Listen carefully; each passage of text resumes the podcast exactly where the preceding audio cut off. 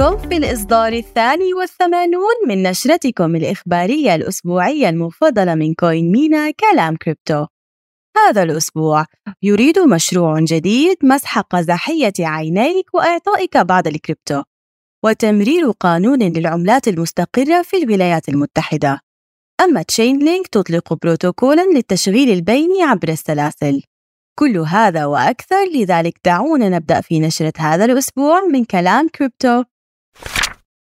أخبار عالمية وضوح تنظيمي للعملات المستقرة في الولايات المتحدة نجحت لجنة الخدمات المالية في مجلس النواب الأمريكي في تمرير مسودة لقانون يعرف بالوضوح لقانون العملات المستقرة للدفع لعام 2023 بدعم من الحزبين الجمهوري والديمقراطي.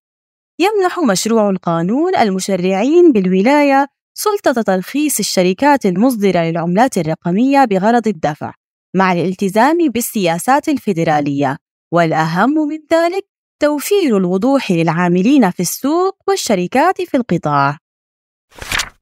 تهدف Chainlink إلى جلب تريليونات من البنوك إلى الكريبتو أطلقت Chainlink مؤخرا بروتوكول التشغيل البيني عبر السلاسل وذلك بهدف تسهيل عمليات نقل العملات الرقمية بين سلاسل الكتل ومن خلال الاستفادة من موثوقية شبكة Chainlink في توفير بيانات العالم الحقيقي لشبكات البلوك تشين يعمل البروتوكول كبنية تحتية تقنية لحركات العملات الرقمية عبر السلاسل.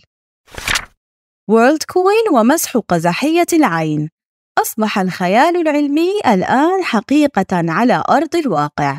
يهدف مشروع تم إطلاقه مؤخرا تحت اسم Worldcoin إلى توزيع رموز وورلد كدخل أساسي شامل UPI لكل فرد في جميع أنحاء العالم. لتلقي هذه العملات يجب على المستخدمين التحقق من كونهم بشرا من خلال عمليات مسح العين باستخدام جهاز خاص بالمشروع ووفقا لما قاله الرئيس التنفيذي سام أولتمان وهو أيضا الرئيس التنفيذي لشركة Open AI فإن هدفهم ببساطة هو إنشاء شبكة مالية وهوية عالمية تستند إلى إثبات الشخصية. هذا أمر مهم بشكل خاص في عصر الذكاء الاصطناعي. وبالطبع يواجه هذا المشروع انتقادات عدة من مجتمع الكريبتو لا سيما فيما يتعلق بالآثار المترتبة على الخصوصية. حيث أن السماح لشركة خاصة بجمع بيانات شبكية العين وربطها بالمعاملات المالية أمر يثير مخاوف شبيهة فيما نشاهده بقصص الخيال العلمي المرعبة. وبالإضافة إلى ذلك أثيرت مخاوف بشأن توزيع عملة وورلد. حيث تم تخصيص 25% من هذه العملة الرقمية للمطورين والصناديق الاحتياطية. تتضمن قائمة المستثمرين شركات الاستثمار المجازف بالكريبتو البارزة مثل A16Z بالإضافة إلى شخصيات وشركات كريبتو مشبوهة مثل سام بانكمان فريد و 3 Arrows Capital. ثالثاً القيمة السوقية المتضخمة للمشروع يبلغ السعر الحالي لعملة World حوالي 2.3 دولار مع قيمة سوقية تبلغ 270 مليون دولار. ومع ذلك فإن المعروض المتداول حاليا يساوي 1% فقط من الحد الأقصى البالغ 10 مليار من المعروض من رموز وورلد التي سيتم إصدارها. مما يعني أن القيمة السوقية المخففة بالكامل لوورلد تبلغ حوالي 24 مليار دولار مما يجعلها سابع أكبر عملة رقمية في العالم بأسره ومع ذلك وعلى الرغم من المخاوف حول الخصوصية واقتصاديات العملة المشكوك فيها وهذه القيمة المتضخمة قام أكثر من 2 مليون شخص بمسح قزحية عيونهم حتى الآن للحصول على هذه العملة فهل ستكون واحدا منهم؟ في هذه المرحلة لدينا الكثير من الأسئلة وسنبقي عيوننا مفتوحة لمتابعة هذه العملة عن كثب. ولكن مجازيا بالطبع. مدونة الأسبوع. اطلع على أحدث مقال في المدونة لمديرتنا الإدارية دينا سمعان حول قرار المحكمة الأمريكية بشأن عملة XRP وماذا يعني ذلك بالنسبة لقطاع العملات الرقمية. تجدون الرابط في صندوق المحتوى. درس الأسبوع. مختارات من جامعة CoinMENA. أطلقنا منصتنا التعليمية المجانية جامعة CoinMENA. لأننا نعتبر نشر الوعي حول الكريبتو أحد الركائز الأساسية التي تؤمن بها CoinMENA. سنقوم كل أسبوع باختيار مقال لكي يتسنى لك قراءته والاطلاع عليه.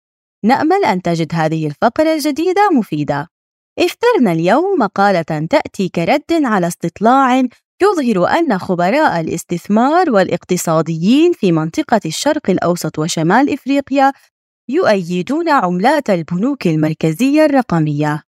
إليكم هذه المقالة من جامعة كوينمينا والتي تحمل عنوان العملات الرقمية الصادرة عن البنوك المركزية ليست عملات رقمية، والتي تسلط الضوء على الفروقات الرئيسية بينهما. تغريدة الأسبوع. لقد فعلها إيلون ماسك وأكس على الطائر الأزرق المحبوب. هل يجب علينا إعادة تسمية هذا القسم؟ أخبار كوين مينا. هدية 500 XRP يسعدنا أن نعلن أننا سنهدي 500 XRP هذا الشهر لإثنين من المستخدمين الجدد. للتأهل. كل ما عليك فعله هو التحقق من حسابك على كوين مينا قبل العاشر من أغسطس وقد تكون أحد الفائزين. أما إذا كان لديك حساب موثق بالفعل فقم بدعوة أصدقائك باستخدام رابط الإحالة الخاص بك. ويمكنكما سويا كسب مكافآت إضافية عند التحقق من حساباتهم. اختبر معلوماتك الرقمية. الإجابة الصحيحة لسؤال الأسبوع الماضي والذي كان من الذي اخترع ال Ripple؟ هي كريس لارسون وجيد ميكالب أما سؤال الأسبوع هو متى تم اختراع ال Ethereum؟ هل تم ذلك في عام 2009 أم 2013 أم 2020؟ تجدون الإجابة الصحيحة في النشرة الإخبارية القادمة أو تفضلوا بزيارة موقع جامعة كوين مينا تجدون الرابط في صندوق المحتوى. وأخيراً وليس آخراً كان هذا كل ما لدينا لنشرة هذا الأسبوع.